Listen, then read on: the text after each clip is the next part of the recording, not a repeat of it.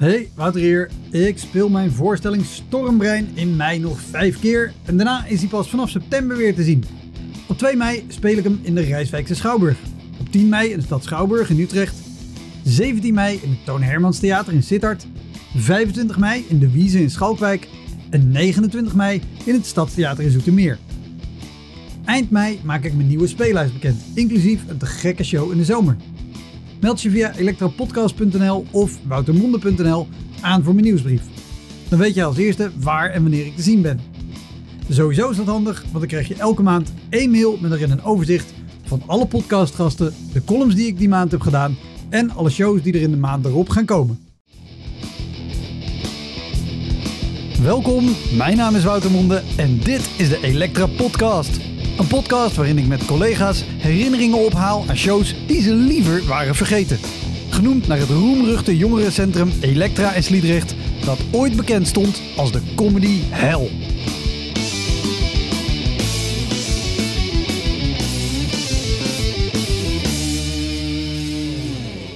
Mijn gasten in deze aflevering zijn Bram en Fimme Bakker, ex-psychiater en cabaretier.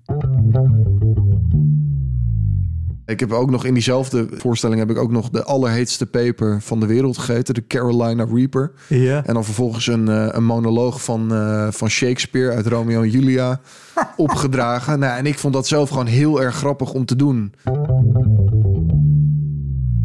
Bram was jarenlang psychiater en maakte verschillende theatervoorstellingen, waaronder eentje met cabaretier Marjolein van Koten. Zijn zoon, Vimme, volgde een opleiding tot cabaretier aan de Koningstheateracademie en hij won in 2023 het Groninger Studenten Cabaret Festival. Ze toeren nu samen met hun voorstelling Ben je bezopen over de verslaving van Vimme en hoe Bram, die veel met verslaafden werkte, daarmee omging en wat dat betekende voor hun verhouding als vader en zoon. We namen deze aflevering op in Theater de Periscoop in Gorkum. Misschien wel het enige theater met een sauna in de kleedkamer. Dankjewel Theater de Periscoop in Gorkum. Heel veel plezier. Dit is de Elektra Podcast met Bram en Vimme Bakker.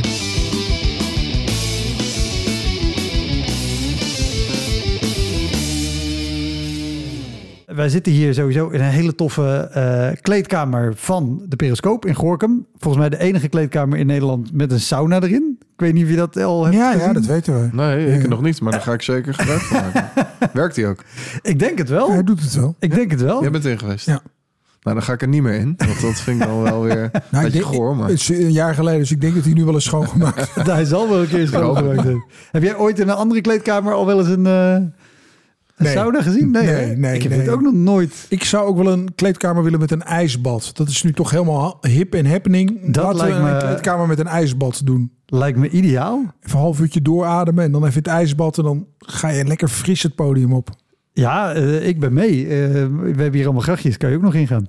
Eh, maar waarom ik begon over de kleedkamer. Net kwam er iemand van hier en die sprak met jou, Bram, over dat jij hier al eerder was geweest. En zei ja, ik ben hier ook nog in corona geweest.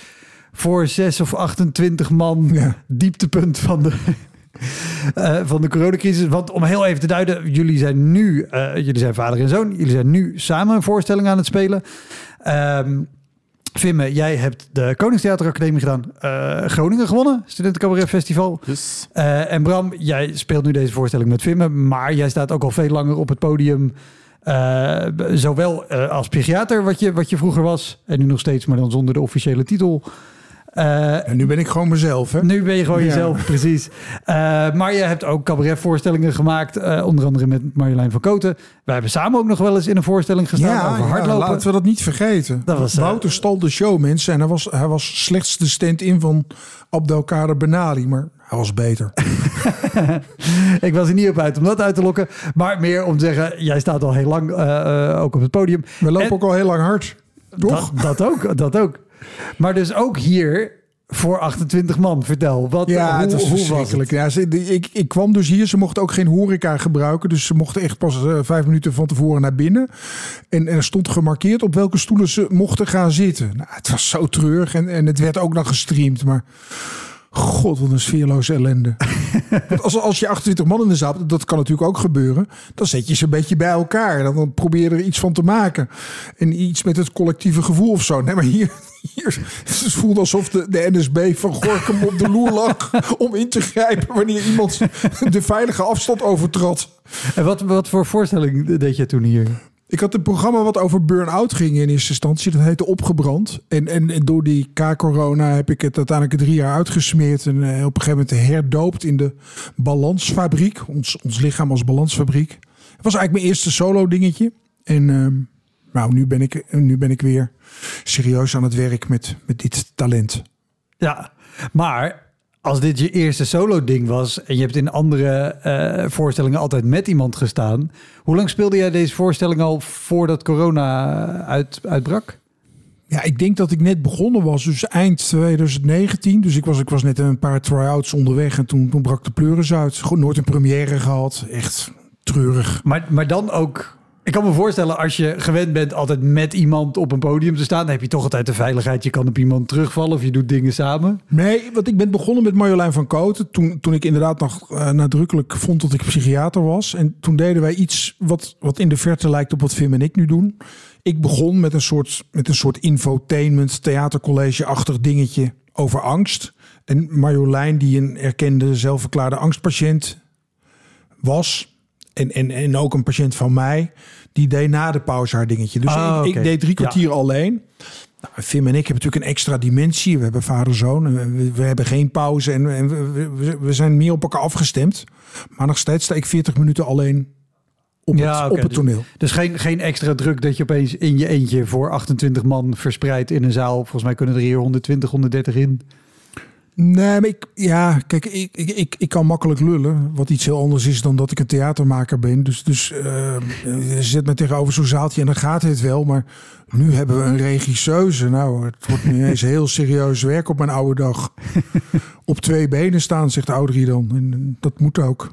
En, Ja? en, en goed omhoog kijken. Want jullie werken met Audrey Bolder, eh, Ja. heel lang regisseuse geweest bij, eh, bij Groningen. Ja. Dat is sinds dit jaar eh, gestopt. Ja, ik was net op tijd. Dus jij, jij hebt nog net met haar aan, je, aan je voorstelling daar gewerkt. Nou, we hebben er overgenomen. We hebben gewoon Groningen Dat is de overboden. reden. Dus Daar- ik zei Audrey, ik stop in Groningen. Wij, wij zijn zo professioneel dat ze dachten, ja, die studenten, daar ben ik ook wel klaar mee.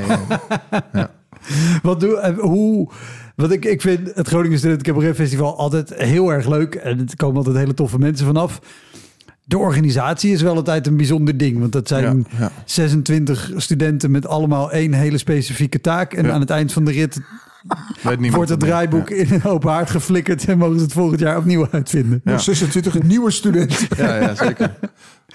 Ja, nee, dat is precies wat het is. En eh, er er zitten er ook echt wel goede bij. En eh, volgens mij hebben ze allemaal wel het hart op de goede plek. Maar Absoluut, absoluut. ik weet niet hoe jij was als student, eh, Wouter. Maar ja, ze zijn gewoon ook bezig met hun studiepunten. En wat ze ervoor krijgen is natuurlijk ook niks. Dus ze doen het omdat ze het leuk vinden. Maar ze doen het ook heel vaak omdat ze een bestuur of een functie willen. En niet, zo, niet eens zo heel veel met cabaret hebben.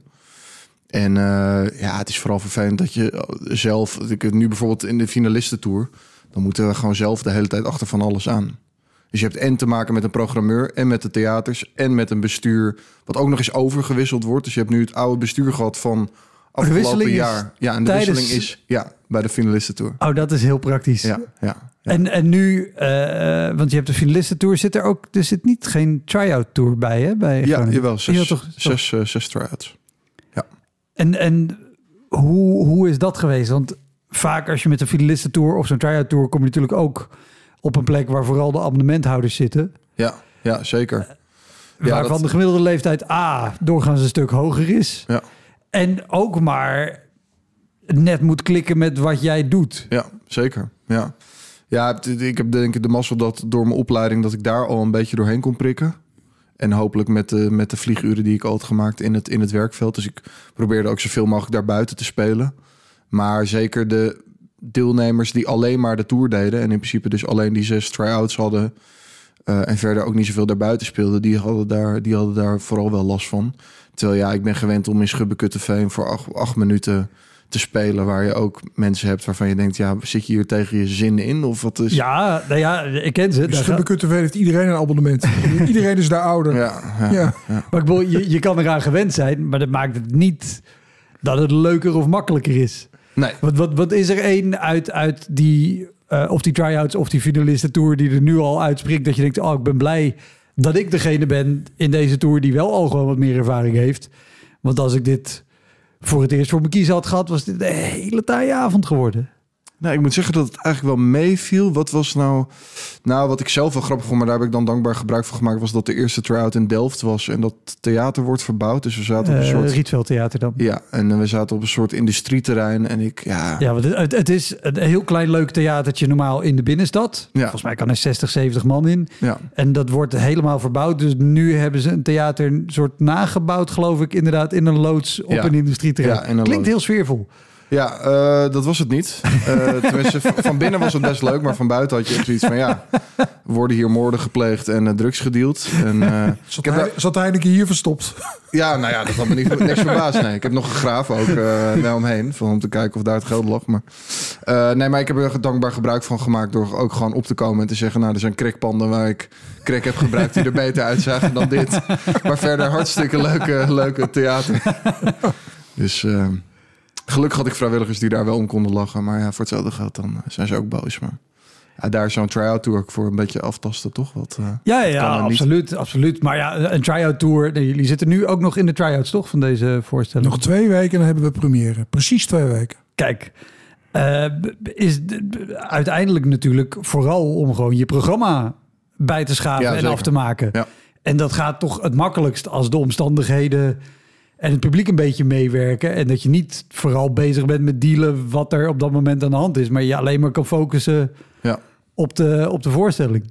ja, ik had denk ik de mazzel dat ik ook wel heel erg instak op mijn verhaal. En niet zozeer op de grapdichtheid of de lach.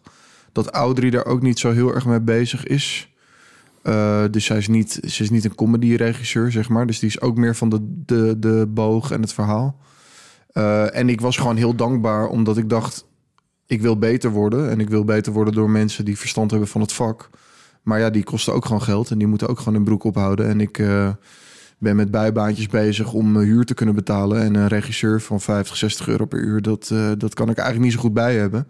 Dus ik was heel blij. En dat was ook wel echt de reden om aan Groningen mee te doen. Omdat ik wist dat het begeleid werd door Ja, een goede regisseuse die ook.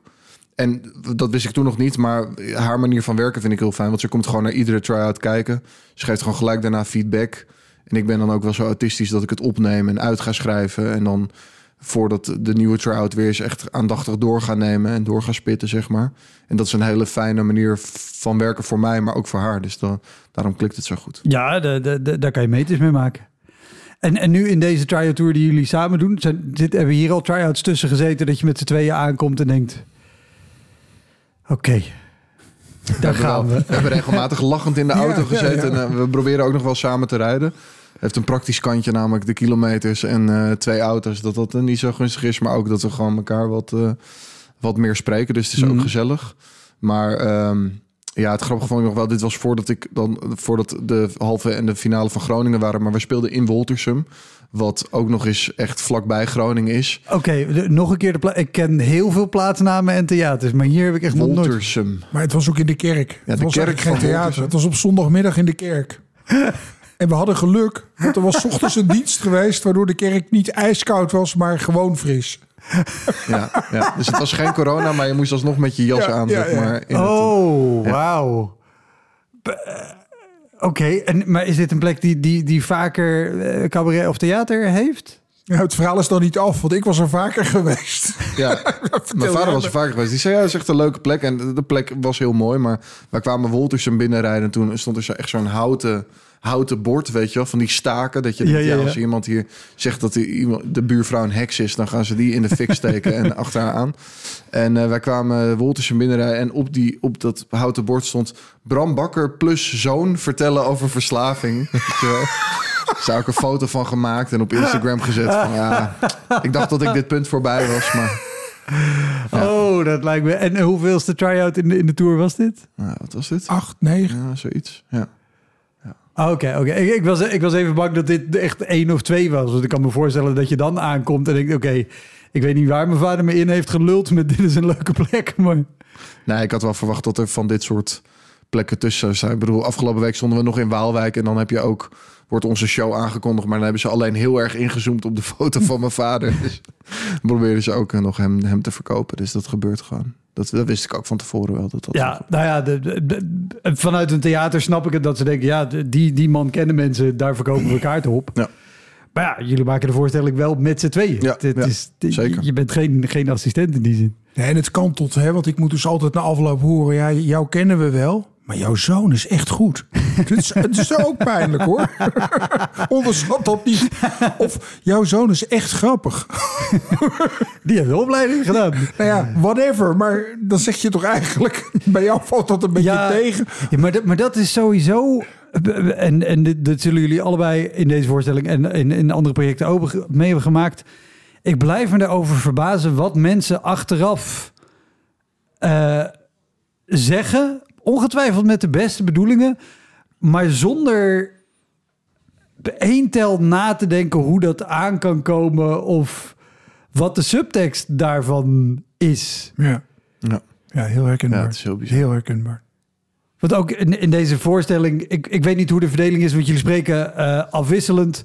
Eh, eh, want jij, Wim, hebt eh, een verslaving gehad. Jij, Bram, hebt of nog steeds, maar werkt met verslaafden. Nou, en dat, dat heeft elkaar gekruist aanvankelijk zonder dat jullie dat door hadden. Als ik het goed Ja, zeg je mooi, zeg je mooi. En, en daar gaat het over, dus dat gaat niet samen op het podium, maar wel tegen elkaar in. Maar hoe is de, is de verdeling in de show? Want jij bent gewoon opgeleid tot cabaretier. Dat is ook wat je, wat je doet. Jij bent op het podium weliswaar heel erg grappig, maar is niet jouw hoofddoel. Nou, steeds meer, want ik ben nu toch geen psychiater meer. Dus ik kan nu nog proberen... Je hebt, je hebt nog een geen carrière als, meer. als, beja- als bejaarde comedian op te bouwen. Maar, maar, maar hoe... Maar ervaar je daar druk van, Bram? Dat, je- dat, je, dat je... Weet je, want jij staat dan in de coulissen als Wim staat te spelen. Je hoort die zaal lachen. Dat je denkt, ja, zo, meteen- zo meteen moet ik weer. Nee, Nu- nee, ik, ik begin en al- als ik geluk heb, moeten ze bij mij best al wel lachen. En dan komt Vim en die krijgt meer lach, maar die verdient ook meer lach. Ben ik gewoon een trotse vader. Bovendien, wij ambiëren allebei niets anders dan dat die zaal een, een toffe avond heeft. Ja, En, en het schuurt aan alle kanten. En er worden ook wel pijnlijke, harde, confronterende dingen gezegd. Wij over elkaar, maar ook over de verslaving en, en de verslavingszorg. Dus, dus het, er, er zit veel in die voorstelling. En als mensen licht ontregeld naar huis gaan, ben ik tevreden. Mits ze gelachen hebben. Maar daar zorgt hij dus voor. Ja. En nog even over de inhoud van de voorstelling stond afgelopen weekend ook nog een heel mooi artikel in de NRC, volgens mij was het. Dus, daar valt van alles over te zeggen. Heel interessant. Maar ik wil vooral op, op, op, andere dingen. Eh nou ben ik even kwijt naar, naar welke vraag ik wilde. Ehm hoe, nee, dat, dat, dat, dat me net te binnen. Dat jij zei, dan heeft, eh, heeft de zaal ook wel gelachen. Ja, sommige dingen die jullie over elkaar zeggen zijn pijnlijk. Maar de, de voorstelling loopt nu al een tijdje. Dus je weet inmiddels wat je over elkaar zegt. Neem aan dat daar de grootste verrassingen wel uit zijn. Hoe eh, is het al gebeurd dat het publiek gewoon dichtklapt omdat ze denken: oh mijn god, hij vertelt nu dit, maar zijn vader of oh shit, hij vertelt nu dit, maar zijn zoon staat hier ook in de. Ik kan me voorstellen dat dat heel veel spanning in een zaal oplevert die je misschien niet direct de eerste keer ook weer ingelost krijgt. Nee, nee, zeker. Zeker. Ja, nee, ik, ik maakte op het begin en nog steeds probeer ik het af en toe wel. Maakte de grap van ja, ik weet ook wel dat jullie allemaal voor mijn vader komen. En, eh, ehm, maar het, het ding was op het begin was dat een beetje werd daar niet echt op gereageerd, want het was ook gewoon echt zo. en eh, op een gegeven moment kreeg ik reacties uit de zaal Lijkt me ook eh, kut als je die grap maakt en je voelt er. Ja, maar Ja, ik dacht ook, het- is ook goed om het te benoemen, want het is Ja. dan wel gewoon de waarheid. Eh, en op een gegeven moment kwam er steeds meer reactie van, nee hoor, we komen voor jou. Dus toen, toen kon ik die grap dan ook soort van niet echt meer maken. Maar ik merk wel, als een van ons net buiten de lijntjes kleurt, dus we kunnen best wel kritisch zijn op elkaar en het kan best wel spannend worden. En zeker als we een beetje een zaal hebben die ontspannen en, en los en lachend is, dan zit dat ook wel goed. Maar soms zitten er mensen die ja, toch wat meer uptight zijn, zeg maar. En dat merk ik ook wel aan de, de hardlopen, gezonde eh, psychologen, zeg maar, die mijn vader ook wel in de zaal heeft zitten. Ja, die zijn wat minder op als ik de grap maak over ja, of, of, of mijn vader wel helemaal binnen de lijntjes kleurt. Of als mijn vader mij ja, gaat zeggen, Vimmer zit wel erg strak in zijn velletje. Of heeft heel veel discipline als het op diepvriespizza's aankomt. Dan, ja, die zit dan van, oh, nou, oh, ik weet niet of ik dit wel eh, grappig vind. Weet je wel, ja, dat, ja. Dus dat verschilt wel van zaal tot zaal. En we proberen het wel, denk ik, naar een soort hegemonie te krijgen. Of een... eh, En he- hebben we er ook al... Een enkele keer heb je ook nog wel dat er iemand in de zaal zit die dan gewoon vindt dat het echt niet kan. Hebben de mensen al gewoon... Oh, zeker. Nee, we, we hadden, we hadden al de terugval tijdens de pauze. Dus die, daar maken we nu grappen over. Toen we begonnen met Fry-Out hadden we een pauze. En toen waren er mensen die gingen klagen dat er in het theater alcohol werd geschonken. En eh, dat- ze dan het risico liepen om terug te vallen. Eh, nou, wij, om claims te voorkomen hebben we nu de pauze geschrapt. Serieus, hè? echt boze mensen. En, en ook die weggingen halverwege, na, nadat ik zeg maar klaar was, die, die gewoon vertrokken. Wauw. Ja, en, en te kritisch ook. Hè? Dus, dus dat de, de 12-stappen model waar- waarin Vimmer zijn herstel heeft aangevangen met die meetings. Ja, er zitten mensen in de zaal die hebben dat heilig verklaard. Dus als je, als je daar dan een flauwe grap over maakt of iets kritisch zegt over mensen die daar hun zakken mee vullen. Terwijl het een zelfhulpprogramma is. Ja, dan vinden ze toch oneerbiedig. Wauw, wat, wat is het grootste aantal? Of nee, laat ik dat eerst vragen. Hoe, hoe, hoeveel pauzes heeft het geduurd voordat jullie bedachten... oké, die pauze moet eruit, want dit is, dit is niet goed voor de avond. Nou, het was, eh, het was in Weesp, weet ik nog. Hadden gespeeld en dus had mijn vader had mij de mail doorgestuurd die hij kreeg van een moeder van. Dat was een moeder die was met haar dochter gekomen en die dochter was zes maanden nuchter. En die zei dus van ja, ik vind eigenlijk dat jullie dat, dat, je, dat het theater geen alcohol had mogen schenken. Daar hadden jullie voor moeten zorgen. Want het was voor haar heel triggerend. En we zijn dus in de pauze weggegaan. eh, want we vonden de aanklacht eh, te heftig. Of we vonden dat er te harde grappen werden gemaakt over verslaving. Terwijl ja, we hebben toch nog even een keertje naar de introtekst gekeken op de site. En daar staat ook gewoon van, ja, we maken er harde grappen over. En het is toch, het wordt, ja, het is toch cabaret wat we maken. Het is niet een soort van, ja, zelfhulpgroep of Nee, en lezing. ik, of- ben- ik ben zelf op een gegeven moment ook gestopt met drinken. Het, het lastige daarvan is dat overal waar je komt Ja. Is alcohol. Dus ja, dat, nee goed, hoe iemand Kijk, daarmee de- omgaat de- is zijn eigen manier natuurlijk. Maar Maar ik, ik zal nu weer iets politiek incorrects zeggen, want dat vind ik fijn. Eh, de herstellende ik start verslaafde... de jingle even in. Ja, dat is goed. Nee, maar de herstel- herstellende verslaafde die heeft zijn handen vol aan van de middelen afblijven. En dat gaat zeker in de beginfase gepaard met een groot tekort aan gevoel voor humor. Het gevoel voor humor is niet toegankelijk, want bij humor moet je een beetje los in je vel zitten en een beetje kunnen relativeren. Maar als jij 24/7 bezig bent om niet te gaan gebruiken, niet te gaan gebruiken, ja, dan wordt het lastig om erover te lachen. Ja, Dus, dus en, en dat vinden mensen natuurlijk niet leuk om eraan herinnerd te worden. Nee, nou ja, dat- dat, dat snap ik ook wel. Maar dat je, je dan van jullie verwacht dat het hele theater alcoholvrij wordt gemaakt voor één avond. Ja, maar daar hebben we dus ook gewoon niet op nee, gereageerd. nee, En nee, ook Dat, niet, dat, dat kan niet. Nee. En, en wa- wat, is, wat is het grootste aantal mensen dat in de pauze vertrokken is? Of was het niet zo opvallend? Nou, in het begin, nou ja, ik denk een keer zes, een stuk of zes of zo. Ook van die mensen die zeiden dat ze in het programma zaten. Dan waren die stoeltjes ineens leeg. Oh, in ja, die nou, ik kerk in nog- Woltersum ook nog. Waren er ineens ook een stel weg. Oh ja, die zijn weggelopen. Ja. En toen maakte ik daar nog grappen. Want dat was dan al in mijn, eh, in mijn stuk. Volgens mij hebben we toen... Was dat de eerste keer dat we die pauze eruit sloopten? Het zou wel kunnen. Ja, en dan moet je dus niet zeggen, die hebben zin in bier. Want Ja, want er liepen dus twee, liepen dus twee vrouwen gewoon weg. En ja, in een kerk. Dus je ziet ze weglopen.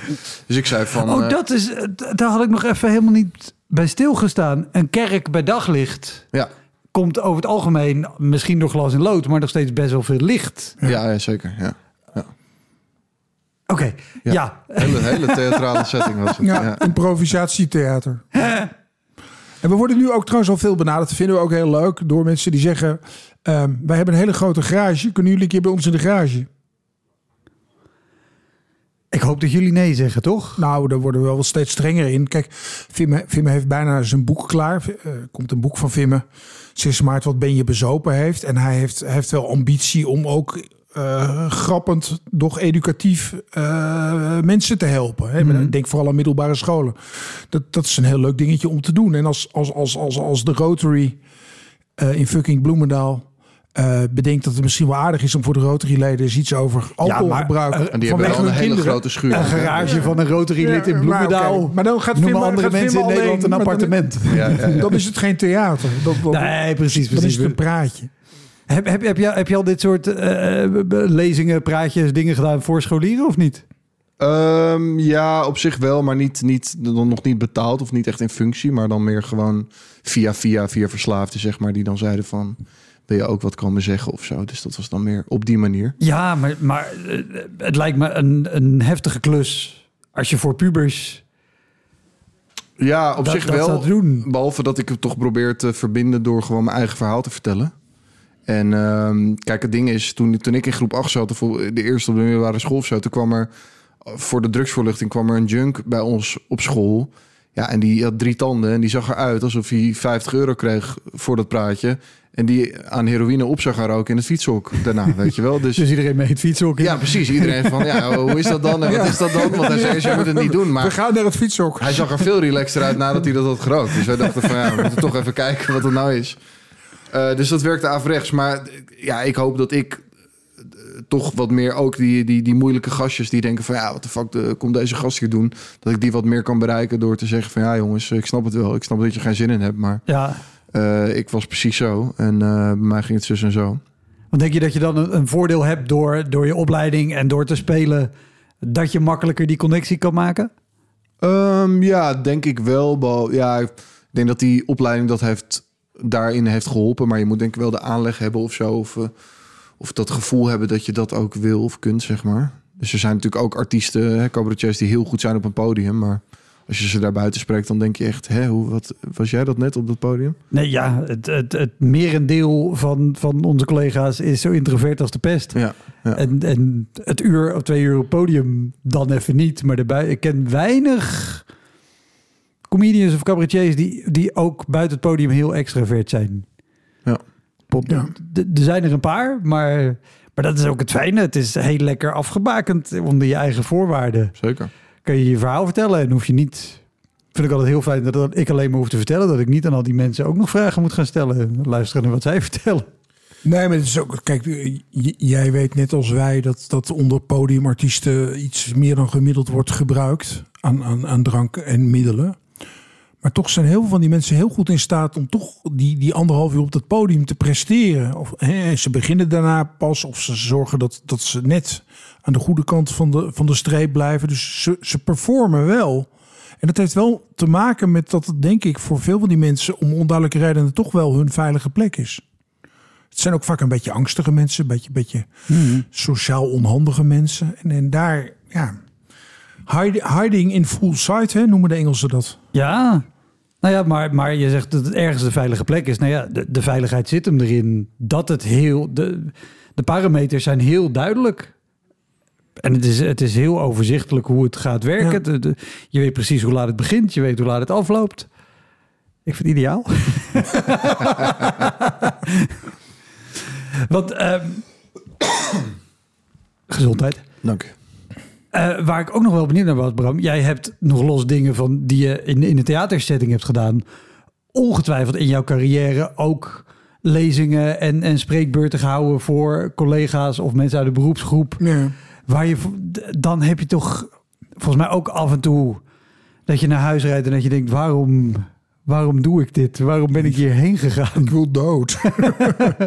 nou, maar het, het, het grote verschil, en, en daarom ben ik ook zo blij dat ik, dat ik weg ben tussen die psychiaters vandaan, want los, van alle goede bedoelingen die ze allemaal hebben, wordt gewoon heel weinig gelachen. Er is gewoon weinig lach op het congres van de Nederlandse Vereniging voor Psychiatrie. Ik, ik heb er een keer gespeeld, dat was best leuk. Ja, ja maar om jou kunnen ze misschien wel lachen. Maar ze, ze nemen zichzelf zo ontzettend serieus. En, en ik, ik vind mezelf ook heel belangrijk hoor. Maar ik kan gelukkig ook nog wel af en toe een beetje om mezelf lachen. En dat, dat ontbreekt bij het overgrote deel, ontbreekt dat toch. Hele, dokters in het algemeen, hele serieuze mensen. Die echt een beetje moeite hebben om die professionele gedaante achter zich te laten. En gewoon even als mens gaan zitten schudden buiken. Dat, dat, doen dokters niet. Want ze hebben ook het idee, ja, ik zit hier nu in Gorkum en eh, drie rijen achter me zit eh, patiënt eh, mevrouw de Groot. En als ik nu altijd bundig ga lachen, dan denkt mevrouw de Groot, gaat het wel goed met dokter Jans. Ja. Zal, zal ongetwijfeld ook meespelen. En dat, da- daar dacht ik aan op de heenweg. Ik ben benieuwd, dat komt natuurlijk vaak te sprake in deze podcast. En jullie zullen allebei ook hebben gehad dat je ergens aankomt. En je weet van tevoren al, dit moeten we gewoon... Dit is een slecht plan om hier te gaan spelen. Ja, Toch? Ja, zeker. Eh, Kan, kan, kan je er het meest recente of eentje herinneren waar, Ja, ja, waar je aankwam en dacht...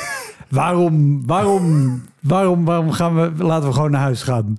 Ja, het, haakt- het is ook wel mooi. eh, het haakt ook nog een beetje in op die, op die, op die lezing slash...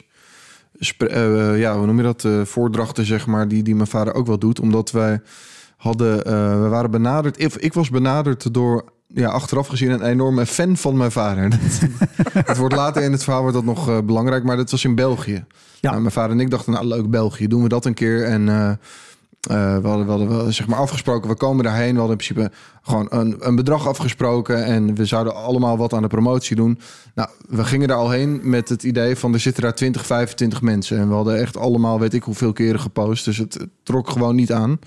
Eh, de titel van onze voorstelling moest veranderd worden van deze dame. Want ze zei, ja, ben je bezopen? Dat is te hard voor de Belgen, dus dat, eh, dat kan niet. Dus ja, het ging het, Sinds wanneer is drankgebruik te hard voor Vla? Ja, ik, ik, snapte er niks van. Maar ik dacht, ja, zij zal er wel verstand van hebben. Want ze deden allemaal van die lezingen. Dus wij zeiden, oké, nou, het zal wel. Toen kwamen we eraan. Wat, wat hebben jullie ervan gemaakt? Ben ik wel benieuwd. Wat heeft zij ervan gemaakt? Mateloos, eh, mateloos gedrag of mateloosheid of zo. Nou, zoiets. En dan ook dus weer een foto van alleen mijn vader gebruikt voor de promotie. nou ja, dat, eh, dat, dat, dat achteraf... Titel van snap- deze podcast wordt ook alleen Bram Bakker. Ja, nee, snap ik, snap ik, ja. Maar mag ook niet van Spotify waarschijnlijk. Eh, dus Sorry, we- ja, wij kwamen daar aan in Zemst en het zag er op zich nog wel oké uit. We waren eerst nog verkeerd gereden. Nou, ja, Zems maakt niet ken je wel toch? Voorstad van Mechelen. Ik, zou- ik moest heel hard denken waar Zemst in vredesnaam ligt. Nee, het is tussen Nou, Antwerpen en Brussel. Vergeet het ook vooral weer, want Ja. eh, ik kan het zo overslaan. Ja, maar wat wel leuk is, er was een heel mooi theaterzaal. Een hele mooie Nou ja, theaterzaal. wij komen daar dus binnen en het was best wel een groot pand. En je denkt, nou oké, ik ben benieuwd wat er is. En we komen daar binnen, we zien een theaterzaal. We denken, nou, dat ziet er wel goed uit. Maar er stond niks klaar, het was helemaal donker, er was niemand. Ze zei, nee, nee, u moet bij het zaaltje hiernaast zijn. En wat bleek nou? Door, door de slechte kaartverkoop hadden ze ons uit het theater gehaald... en in de soort van nou, congreszaal of vergaderzaal gezet.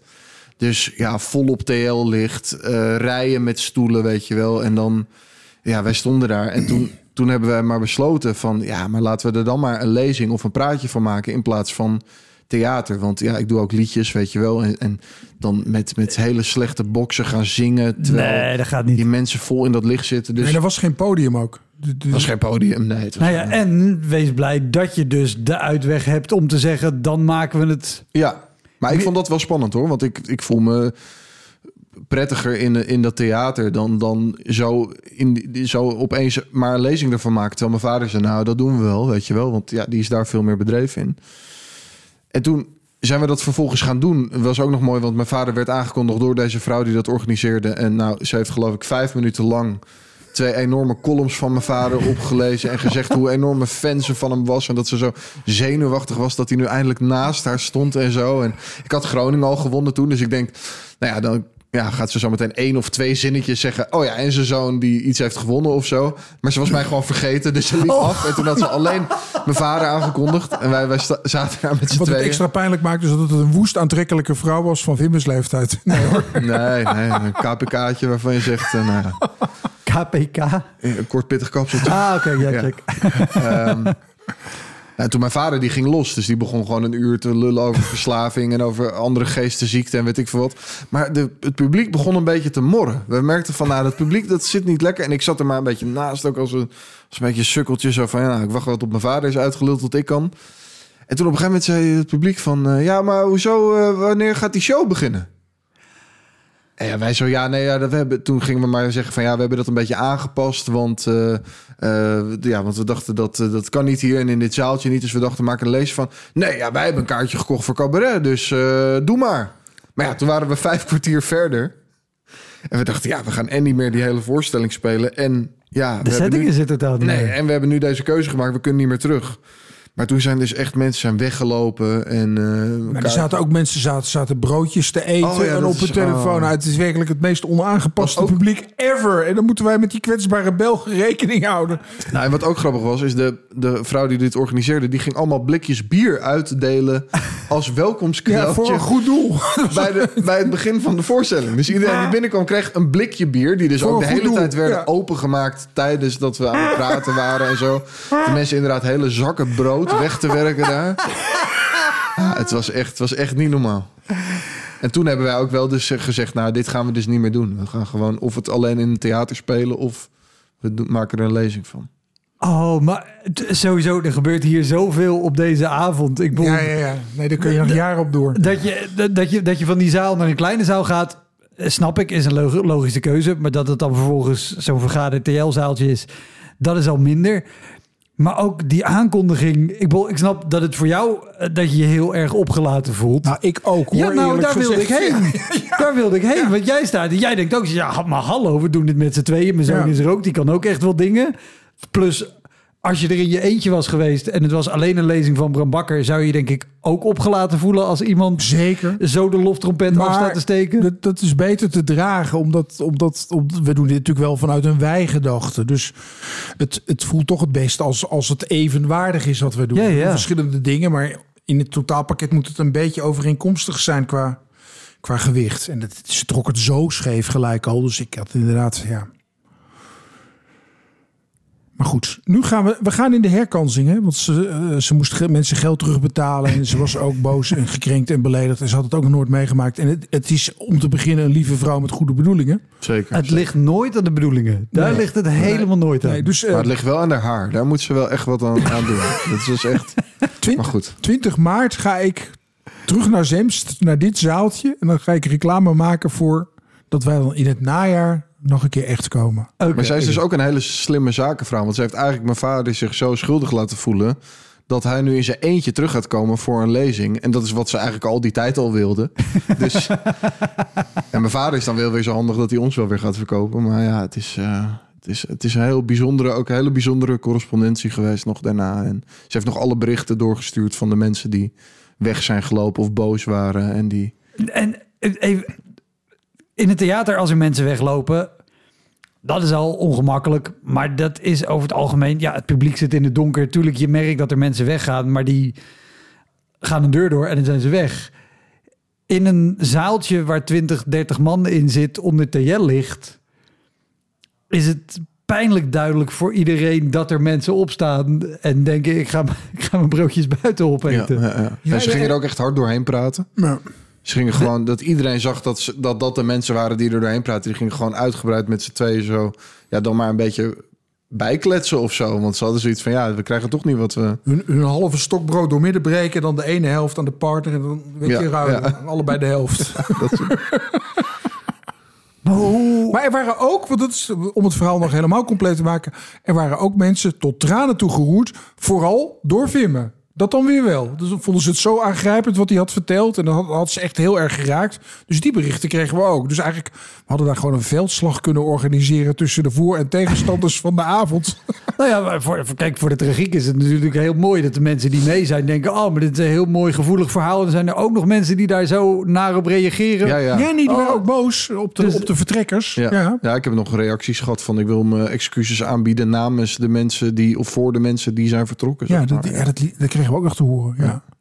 Nou ja, dat, dat, is, dat is te gek dat je die berichten ook krijgt. ja, gelukkig wel. Het, het enige wat jammer is dat er niet met die blikjes bier is gegooid. Dat had gekund en dat, dat hebben ze allemaal vergeten. Ja, Ja. ja nee, maar die hadden ze al op tegen die tijd. Want ja, zonde, ja, ja. Ik moet zeggen, de- de- de- de- Het was ook damesbier of zo. Het was ook een heel raar bier. Het was, het was roze en ja. voor vrouwen. En nou, een kriek. nee, maar ik geloof dat borstkanker het goede doel was of zo. Weet je? Dus er zat, er zat iets ideeels achter en het was gericht op vrouwen.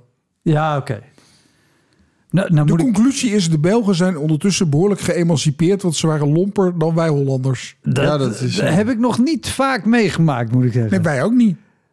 Nee, en ik ging op een gegeven moment ook maar benoemen van ja, we, hebben, we moesten ook de titel van de voorstelling aanpassen. Want ik dacht ook van ja, ik voel me hier ook niet verantwoordelijk voor. Dus ik zei ja, de titel van de voorstelling moest anders. Nou, hoezo? En dat hoeft toch helemaal niet? En eh, we kunnen echt wel wat hebben, weet je wel. Dus ja, het was gewoon ja, een heel bijzondere ervaring. Hey, Wouter hier. Ik speel mijn voorstelling Stormbrein in mei nog vijf keer. En daarna is hij pas vanaf september weer te zien. Op 2 mei speel ik hem in de Rijswijkse Schouwburg. Op 10 mei in de stad Schouwburg in Utrecht. 17 mei in het Toon Hermans Theater in Sittard. 25 mei in de Wiese in Schalkwijk. En 29 mei in het Stadstheater in Zoetermeer. Eind mei maak ik mijn nieuwe speellijst bekend, inclusief een te gekke show in de zomer. Meld je via elektropodcast.nl of woutermonde.nl aan voor mijn nieuwsbrief. Dan weet je als eerste waar en wanneer ik te zien ben. Sowieso is dat handig, want dan krijg je elke maand één mail met erin een overzicht van alle podcastgasten, de columns die ik die maand heb gedaan en alle shows die er in de maand erop gaan komen. En wat ik, wat ik me afvraag, en dat vraag ik me heel vaak af in deze podcast, podcast en ook bij mezelf. Ik ben heel benieuwd, benieuwd of eh, jullie daar al dan niet gezamenlijk een antwoord hebben, op hebben. Wat is het in mei, in juli, in iedereen die dit doet, dat we op plekken aankomen waarvan je van tevoren denkt, dit moeten we gewoon helemaal niet doen. Waarbij je ook nog eigenlijk volledig in je recht zou staan om te zeggen, dit gaat niet werken, dit gaan we niet doen. Ik ben terug naar huis. En dan toch besluiten, we gaan het toch doen. En misschien als we een spotje draaien of als we dan iedereen bij elkaar zetten of als we... Snap je mijn, mijn vraag hierbij? Ik, ik blijf dit namelijk zo wonderbaarlijk vinden dat we het toch doen. Misschien is het omdat eens in de zoveel tijd het, het wel werkt en je afkomt en denkt, nou zie je wel, het is toch een hele leuke avond geworden. Ja, wel het, meer, wel het merendeel. Ik denk dat als het merendeel dit soort verhalen zou zijn, dan, dan, dan, dan zou het minder leuk zijn. Maar het is, dit, dit zijn wel de, de negatieve uitschieters, zeg maar. Wat mij op de been houdt, is dat er dan toch altijd mensen zijn die. Het is nooit zo dat een hele zaal het helemaal ja, niks vindt of allemaal boos worden. Dus wat mij er dan wel doorheen sleept, is dat je ook met zo'n avond toch dat er mensen nog een reactie sturen en de tijd ervoor nemen om te zeggen, joh, dapper. Absoluut. Maar, maar ook vooral voor jezelf. Dat je in plaats van gewoon het aan te gaan en te zeggen: nee, dit gaan we niet doen. Dat kan helemaal niet. Terwijl je van tevoren weet, 9 van de 10 keer kan het niet. Dan toch. Ja, maar dat, dat heeft een hele eenvoudige psychologische verklaring. Want ik moet ook gelijk denken aan al die schrijvers die ergens moeten gaan signeren. Waar dan twee lezers komen, waarvan één die het boek al gekocht heeft en zegt: Ik heb het boek al, maar willen er nog een handtekening in zetten? Het is echt vergelijkbaar. Nee, ik denk dat het toch gewoon, gewoon de behoefte is om gezien te worden. Want daarom doen we natuurlijk wat we doen. We vinden het gewoon toch lekker dat, dat mensen met aandacht naar ons kijken. Want dat had vroeger wel wat meer kunnen zijn. Anders, anders kies je dit vak niet. Word je beurshandelaar. Lijkt me ook niet per... Uh, hou je wel een leuke garage in Bloemendaal aan over. Ja, precies. Dan, maar, nee, maar, nee, maar dan denk je heel anders. Hoe wij hebben toch de behoefte om iets, om iets te brengen... waarvan we hopen en verwachten... en zelf natuurlijk hopelijk ook geloven... dat het de moeite waard is. Zelfs in Schubbekutterveen. Ja, misschien is dat het. Waar ik ook benieuwd naar ben, want jij hebt Koningstheater Academie gedaan. Wat ik altijd uh, heel leuk vind aan de Koningstheater Academie. en volgens mij is het, is het tegenwoordig een stuk beter. Maar die hebben ook nog wel eens dat zij fungeren als impresariaat. Daar komen aanvragen binnen voor leuke, ludieke optredens. En er worden studenten heen gestuurd onder omstandigheden waarvan ik dan achteraf denk, maar waarom zou je daar in vredesnaam studenten heen sturen? Heb jij, heb jij dat soort dingen gedaan of, of andere shows tijdens je opleiding? Want je staat natuurlijk ook gewoon heel vaak iets wat je gemaakt hebt te spelen voor dezelfde medestudenten als het jaar ervoor en dezelfde ouders als het jaar ervoor. Zeker. Ja. In een klein zaaltje. Ja. Wat ook niet per se volgens mij in lijn is met waar, waarvan je droomt of op hoopt als je aan zo'n opleiding begint. Nee, op zich niet. Ik moet zeggen, ja, ik, ik, begon vrij bleu aan die opleiding. Dus dat was gewoon voor het eerst dat ik dacht, ik wil dit gaan doen. Dus ik, ik had niet jeugdtheater gedaan. Of ik had niet al mijn hele leven de ambitie om cabaretier te worden. Dus ik, ik, nam alles wel zoals het was of zo. Ehm, en ik vond het ook wel heel fijn om in de, in de veiligheid en in de luwte gewoon me te kunnen ontwikkelen en iets mhm. uit te kunnen proberen. Dus dat allereerst. Uh, maar terugkomend op je eerste vraag. Ja, ik ben nooit gevraagd voor die KTA-productie dingen. Want ah, dat is dan, ja, dat is ook weer typisch hoe dat gaat. Daar worden dan een paar mensen voor gekozen die dat draaien. En dat zijn dan de mensen waarvan ze weten, daar kunnen we van op aan. En die doen ook niet te moeilijk, zeg maar. En ik ben best wel brutaal en moeilijk. Dus ik zou denk ik al vrij snel in die positie zeggen... ja, maar moeten we dit doen of gaan we dit doen? Terwijl ja, dat is op zo'n positie waarschijnlijk niet zo handig... met wat zij voor ogen hebben. Uh, maar dat zorgt er ook voor dat de mensen die op die positie zitten... alleen maar hun eigen vrienden vragen en...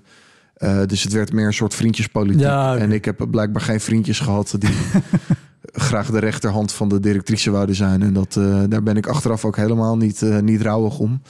Maar het is een beetje een raar model, omdat zij, het gaat natuurlijk ook gewoon om geld verdienen. Mm. Dus het zijn gewoon uh, klussen. En volgens mij als je daarin speelde of daarin werd gevraagd, krijg je ook echt niet bijster goed betaald.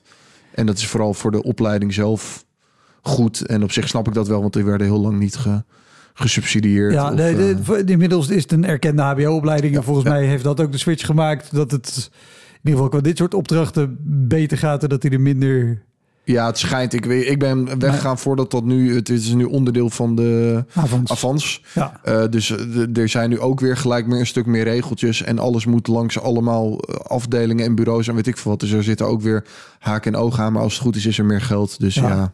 En, en heb jij dingen op school gedaan, wat je zegt in de loot, in de veiligheid, dat is absoluut het voordeel van zo'n van zo'n optreden of van zo'n opleiding. Heb jij daar dingen gedaan waar, waarvan je nu terugkijkt en denkt, oh wat ben ik blij dat ik dat gewoon op school heb gedaan en niet in een zaal met echt publiek erbij? Eh, ja en nee. Dus ik heb eh, voor, voor een. Ik ben op, op een gegeven moment op zoek gaan naar objectie. Dus objectie is een theatervorm waarin je eigenlijk het publiek wil laten walgen. Of een soort ehm, negatieve emoties bij het publiek wil laten oproepen. Dus eh, Marina Abramovic is zeg maar het voorbeeld van object theater. Hè? De theatermaakster die nou ja, zichzelf liet slaan op het podium. En met een geladen pistool liet bedreigen. Nou ja, de meest gekke dingen. Heel interessant als theatermaakster.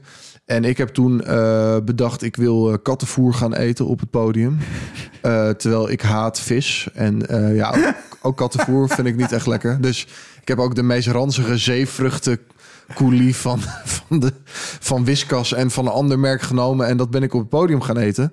En je zou denken van, eh, dat is verschrikkelijk. En dat was het ook. Maar ik vind dan de reactie die dat oproept bij het publiek... vind ik zelf dan wel weer heel grappig. En wat, wat, was, de, wat was de reactie? Ja, ze van, ah nee, is dit echt? En eh, hoe, hoe, hoe heeft hij iets anders in die blikjes gekregen? Want het kan toch geen echt kattenvoer zijn? en eh, ik heb ook nog in, diezelfde, in datzelfde presentatietje of voorstelling... heb ik ook nog de allerheetste peper van de wereld gegeten. De Carolina Reaper. Ja. En dan vervolgens een, eh, een monoloog van, eh, van Shakespeare uit Romeo en Julia opgedragen. Nou, en ik vond dat zelf gewoon heel erg grappig om te doen.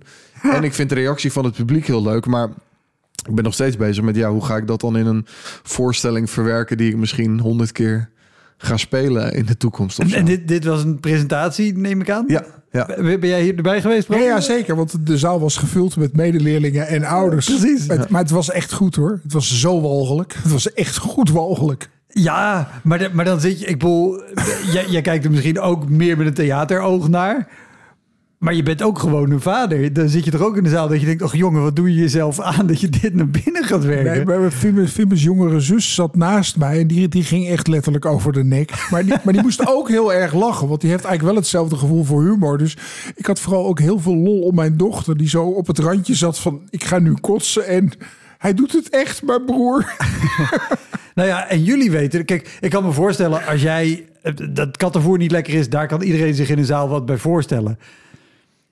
Maar als jij op een podium zegt, ja, ik lust geen vis, ik weet als bezoeker niet of jij Ja. daadwerkelijk voor hetzelfde geld zegt, ik lust geen vis, Ja. en zet je kibbeling naar binnen te werken, denk je, ja, het zal wel zijn. Maar jullie weten allebei dat je, dat je echt geen vis lust. Ja, ja. Dus dat, Nee, maar de geur was echt, is echt, was echt penetrant. En ik had het dan ook al een paar keer gedaan, hè? Nou, in de aanloop ernaartoe om te testen van hoe dat dan is. dus we hebben dan dramaturgielessen en daar heb ik het gewoon al uitgetest. Dus gewoon een dag dat ik naar huis ben gegaan, omdat ik die hele Carolina Reaper als eerste helemaal op had. En ik gewoon echt, nou ja, fysiek gewoon echt onwel van werd. Ehm, maar eh, ja, als je dat blikje opentrekt, ja, de, de meest ranzige geur komt er vanaf. Ik ging nog een beetje naar het publiek lopen, weet je wel, van ruik maar. Het is echt wel, het is echt wel echt en zo. En ik ging ook zelf half over mijn nek op het podium. Dus het was ook wel, ja, sommige mensen dachten nog dat Maar ik een hele goede acteur was, maar tijdens, je bereidt dit voor, je hebt dit al geprobeerd tijdens dramaturgielessen. Is er dan niet ook een moment dat je denkt, ja, heel leuk objecttheater, maar dit gaan we gewoon niet doen? nee, ik vond het, ik vond het eigenlijk vooral heel grappig om te doen. Ja, Hij zit, hij zit nog te genieten. ja nee, zeker. Ja, nee, maar wat- wat ik zeg, ik ben nog steeds komt wel bezig. wat terug. Kijk, in onze voorstelling past het niet, maar ik ben nog steeds bezig met hoe ga ik dit in de volgende. Volgende voorstelling, we gaan alleen maar pepers vreten. Ja. Oh, wauw. Ik, ik vind het ook vooral bijzonder. Ik denk dat het zal waarschijnlijk dezelfde eh, docent zijn geweest. Ik had laatst opgenomen met eh Andries Toenroe en eh, Stefan Hendricks. Die vormen samen ook een duo, spelen ook los. Andries vertelde dat hij ooit... Die heeft, hebben ook allebei Koningstheater gedaan. Andries had als middel om het publiek te chockeren... op een gegeven moment een week lang zijn eigen kak opgespaard... en dat op toastjes gesmeerd en dat geserveerd tijdens een voorstelling. ja, dat klinkt als dezelfde docent. Ja. Ik denk dat die waarschijnlijk heel blij was. Oké, kattenvoer. Dat is, dit is een stap voor. Ja, nee, dit klinkt wel echt uh, dit klinkt als iets waar ik zelf... En het gek is ook, ik heb best wel smetvrees in mijn persoonlijke leven. Dat maakt het nog, maakt het nog heel, heel veel zieker. Misschien dat mijn vader dit kan analyseren. Want ja, ik zit er soms maar. ook... Mijn vriendin die heeft natuurlijk een heel ander ritme dan ik. Dus die slaapt dan s'avonds en dan zit ik nog YouTube-filmpjes te kijken. Maar ik ga, geniet dus ook echt van filmpjes waarbij mensen hele gore shit eten en over hun nek gaan. Terwijl ik dus zelf smetvrees heb. Dus ik weet niet wat, laat jouw professionele visie hier eens op los. Ja, nee, maar dit is, dit is weer meer van hetzelfde. Loodgieter lekker de kraan. Want mensen met smetvrees, die zijn vaak ook een beetje vies. Dat is echt zo. Want die, die, die zijn de hele dag hun handen aan het wassen. Maar die hebben dan een overhemd aan wat helemaal stijf staat van het vuil. Ze, ze hebben helemaal niet door dat, dat ze steeds maar geen schoon overhemd hebben aangetrokken. Waarschijnlijk omdat ze bang zijn dat, dat, dat hun handen vies worden of zo. Dus dan lopen ze met hele vieze kleren aan. hebben ze heel ernstige smetvrees. Mm. Wauw. Het, is, ja, alles is dubbel en, en ook dit. En is het dan ook zo dat ik graag die filmpjes kijk, omdat ik dan denk, nou, dan valt het bij mij allemaal nog wel mee? Ja, je, je bent iets aan het spiegelen. Hmm. Nee, maar wat ook bekend is, dat hele angstige mensen, als er echt, echt iets heel, heel engs gebeurt, dan zijn zij het dapperst. Hmm. dus die mensen die hun hele leven overal wegkropen, op het moment dat er, dat er een gijzeling komt, vallen zij de gewapende overvaller aan. Dat is echt fascinerend. Ja, en doet mij trouwens denken, want je, had het al over Marjolein Verkoten, waar je voorstelling mee deed. Nou, die heeft inderdaad allerlei uh, angststoornissen en zo uh, al dan niet gehad of het licht terugkomend. Dat vertelde ze zelf toen ze te gast was. Dat, ik kan me voorstellen, zeker als je haar ook behandeld hebt, en ik wil niet op de details daarvan in, maar als je samen een voorstelling maakt, dat je misschien ook wel eens een show hebt. Weet je, en, en je, zij speelt de ene helft en jij staat in de coulissen en je merkt hoe een zaal reageert of niet reageert, dat je denkt, oeh, hoe gaat dit nee, het, het was, binnenkomen? Het was af en toe wel spannend, maar het is acht, negen jaar geleden. En Marjolein, heeft ze allemaal verteld. Ze, ze heeft een heel boek erover geschreven, Scheidluis. Dus um, ik verklap niks. Uh, maar die moest altijd checken waar de wc's waren. Omdat, ze, omdat ze bang was dat, ja. dat ze een aanval van diarree zou krijgen. Wat ze in mijn bijzijn Noord heeft uh, beleefd. Maar in mijn bijzijn wel altijd bang voor was. Dus ze, ze wilde dan van tevoren weten of, of, of, de, of de kleedkamer wel een, wel een wc had. En, en we hebben ook wel situaties gehad dat er dan een wc aan de andere kant van het horecadeel was. Waar, waar ook het gewone publiek gebruikt. En ja, dan, dan wilden ze niet. Want ze moesten wel een wc voor zichzelf hebben. Want ja, die wc waar het publiek naartoe kon, die zou bezet kunnen zijn. Nou zo. En daar dan dus in je hoofd heel erg druk mee bezig. Terwijl wij waarschijnlijk allemaal denken, hè, als, als we al te nodig moeten, dan scheidt u in de sauna. is dat niet ergens goed voor? Is het voor mannen sowieso een stuk makkelijker? Ja, ja. er is een wasbak, dan red ik ook ja, mee. precies, we komen er wel. En, en uiteraard zijn jullie in deze tour al langs het Werftheater gekomen? Ja, zeker. Ik ja, ja, ja, ja, nee, die ik de naam kon noemen, maar ik wou vragen, hoe hebben jullie het in het Werftheater dan... Uh... Nou ja, ik, ik heb met Marjolein er ook over gehad. Ik vind het Werftheater altijd heel erg leuk. Zij komt er om die reden niet meer. Oh ja, echt? Ja, is dat... Uh... Maar die, die, is natuurlijk bekend om het feit dat daar inderdaad het toilet uh, alleen in de foyer is... en in de kleedkamer uh, de befaamde emmer met een laagje bleek ja, staat. Ja, ja, een paar weken geleden waren wij daar en toen, toen was het heel erg koud. En toen was Vimme bezig en, en ik, ik was klaar. Toen ben ik daar even lekker buiten gaan pissen. Lekker, lekker buiten plassen, net als vroeger op de boerderie was, was toch wel bijzonder. Midden, sta je midden in Utrecht buiten te plassen. Ja, want voor de duidelijkheid, je hebt de kleedkamer. Achterin is een, een ruimte half zo groot als de zaal... waar alle, alle meuk staat van de afgelopen 40 jaar. Ja, ja, en een trap naar boven en daar is een binnentuintje... waar volgens mij elke mannelijke uh, cabaretier van Nederland ooit al heeft aan pissen. Ja, dat denk ik ook. Nee, maar ik, ik denk dat Joep van het Hek in zijn afscheidstournee ook daarna gaat plassen. Dat, dat, hoort er gewoon bij. ik, heb, ik heb het braaf in die emmer gedaan. Ik ben dan zo bang dat ik denk als ik die deur open doe, gaat er een alarm af. Of mijn vader hoort dat. Dus hij was aan het spelen. En toen heb ik dus zo half zo boven die emmer gehangen. Komt je hoorde, ook, hoorde ook het geluid. Ja, ik dacht, jij hebt dit wel gehoord. Want je hoorde dan ook het geluid af en toe. Want het ketst heel erg af terwijl je erin in staat te zeiken. Nee, het is echt, uh, het is niet fraai. je zal toch nierstenen hebben? Krijg je dat er ook nog bij? Uh, wat me eraan doet denken, want het Werftheater, iets verderop zit het Comedyhuis. Uh, die spelen ook vaak in de werfkelder of boven. In het pand hebben ze twee, twee zalen. want jij, als ik het goed heb, zit nu in de, de Comedy Talent Awards, toch? Van, het, ja. van het Comedyhuis. Ja. want dat is echt stand-up wedstrijd. Ja. Is dat uh, is dat lastig schakelen geweest voor jou? Van, van cabaret, als je zegt, ik heb met Audrey veel meer gewerkt aan een verhaal En binnen een cabaretvoorstelling, en ik kan me voorstellen in de voorstelling die jullie maken, ja, het draait om humor, maar kan je ook wel makkelijk gewoon meer de ruimte nemen voor een verhaal. En dan sta je in een comedywedstrijd waar mensen wel gewoon grap, grap, grap, grap, grap willen hebben. Ja, zeker. Nou, ik had het voordeel dat het maar vijf minuten mocht zijn. Want daardoor dacht ik, oké, ik hoef dus ook maar vijf minuten mijn beste grappen zeg maar, bij elkaar te hebben. Nu binnenkort half finale in de stad Schouwburg-Utrecht voor 200 man. Dus dat is leuk, 10 minuten. Ehm, en ik moet zeggen dat ik pak wel de beste grappen die ook nog wel in onze voorstelling zitten, pak ik nu nog wel uit. Ehm, maar hè, om op de Koningstheateracademie terug te komen op het gebied van stand-up, hebben we daar niet tot nauwelijks iets geleerd. Dus mijn ambitie is ook wel heel erg om los van de theaters, om ook echt die stand-up kant Want wat te ben, leren. wat ben je al, om daarop voor te bereiden, misschien naar echt gewoon stand-up open mics geweest? Ja, ja, zeker. Ja, ja. Dus dat. eh, dus ik heb me gewoon aangemeld via de obscure Facebookgroepen en de uitbaters die daar zitten.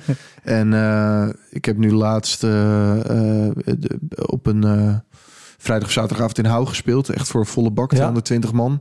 Dat was ook wel weer echt even spannend. Dat ik dacht, oké, nu moet ik mezelf hier staande houden. Maar dat ging eigenlijk ook wel goed. Dus ik, eh, ik ben daarin wel nederig dat ik denk, ik wil ook gewoon vooral veel leren. Ja. En eh, Want Haug is een Club Haug in Rotterdam, dat is een fantastische plek. Ja. Natuurlijk, het is spannend, want er zit 220 man. Ja. Dus dan moet je ook. Maar als je zegt, ik heb me aangemeld via de Facebookgroep en de, en de, en de obscure boekers. Ja. Heb je nu ook al plekken gedaan dat je denkt, oh, maar kijk uit naar morgenavond, want dan sta ik weer gewoon met mijn vader in een theater en dit is een of andere gare kroeg achteraf? Eh, ja, zeker wel.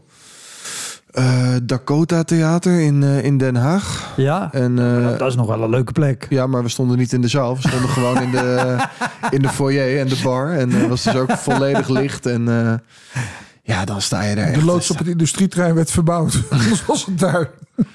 Nee, nee, dat is Delft. Ja, nee, ik, ik bedoel precies dat. Hè? Maar dat daar misschien de loods de Oh, norm de- is, maar dat jullie nu in het voorportaal... Nee, nee, nee, nee, dat was gewoon een goed theater. Maar daar werd Barbie, eh, Barbie de film werd daar uitgezonden. Dus ja, dan kun je niet... eh, Kansloos. ja. Wacht even, dus in de zaal was Barbie en jullie stonden in de foyer. Ja, en bij, bij Barbie zaten geloof ik zes mensen of zo in de zaal. Dus het was ook niet dat je denkt van nou, dat loopt zo'n storm, daar kunnen we niet staan. Maar nee, dit was in de foyer. En eh, de, de, de, de obscure uitbater was er ook niet. Want die, was gewoon, die zat gewoon lekker thuis. Dus dat was ook, was ook nog eens wat. Ik zal blij mee zijn dat ik dit eh heb En, gezegd. en, en, en hoeveel mensen zaten er in de foyer voor de, voor de show? Nou, dit waren dus die 65-plussers waar jij het over hadden met een dagpas. Dat was wel duidelijk. Eh, het voordeel was wel nog dat het Den Haag was. Dus ik ben gewoon ook het podium opgegaan met, eh, met mijn hele arsenaal aan scheldwoorden. En een beetje zo'n houding van eh fuck it. En dat werkte, werkte eigenlijk wel goed daar. Maar het was wel dat ik dacht, ja, je bent er gewoon een halve dag bezig met er komen en er weer wegkomen. En je geeft heel veel geld uit om daar dan zes minuten iets te doen.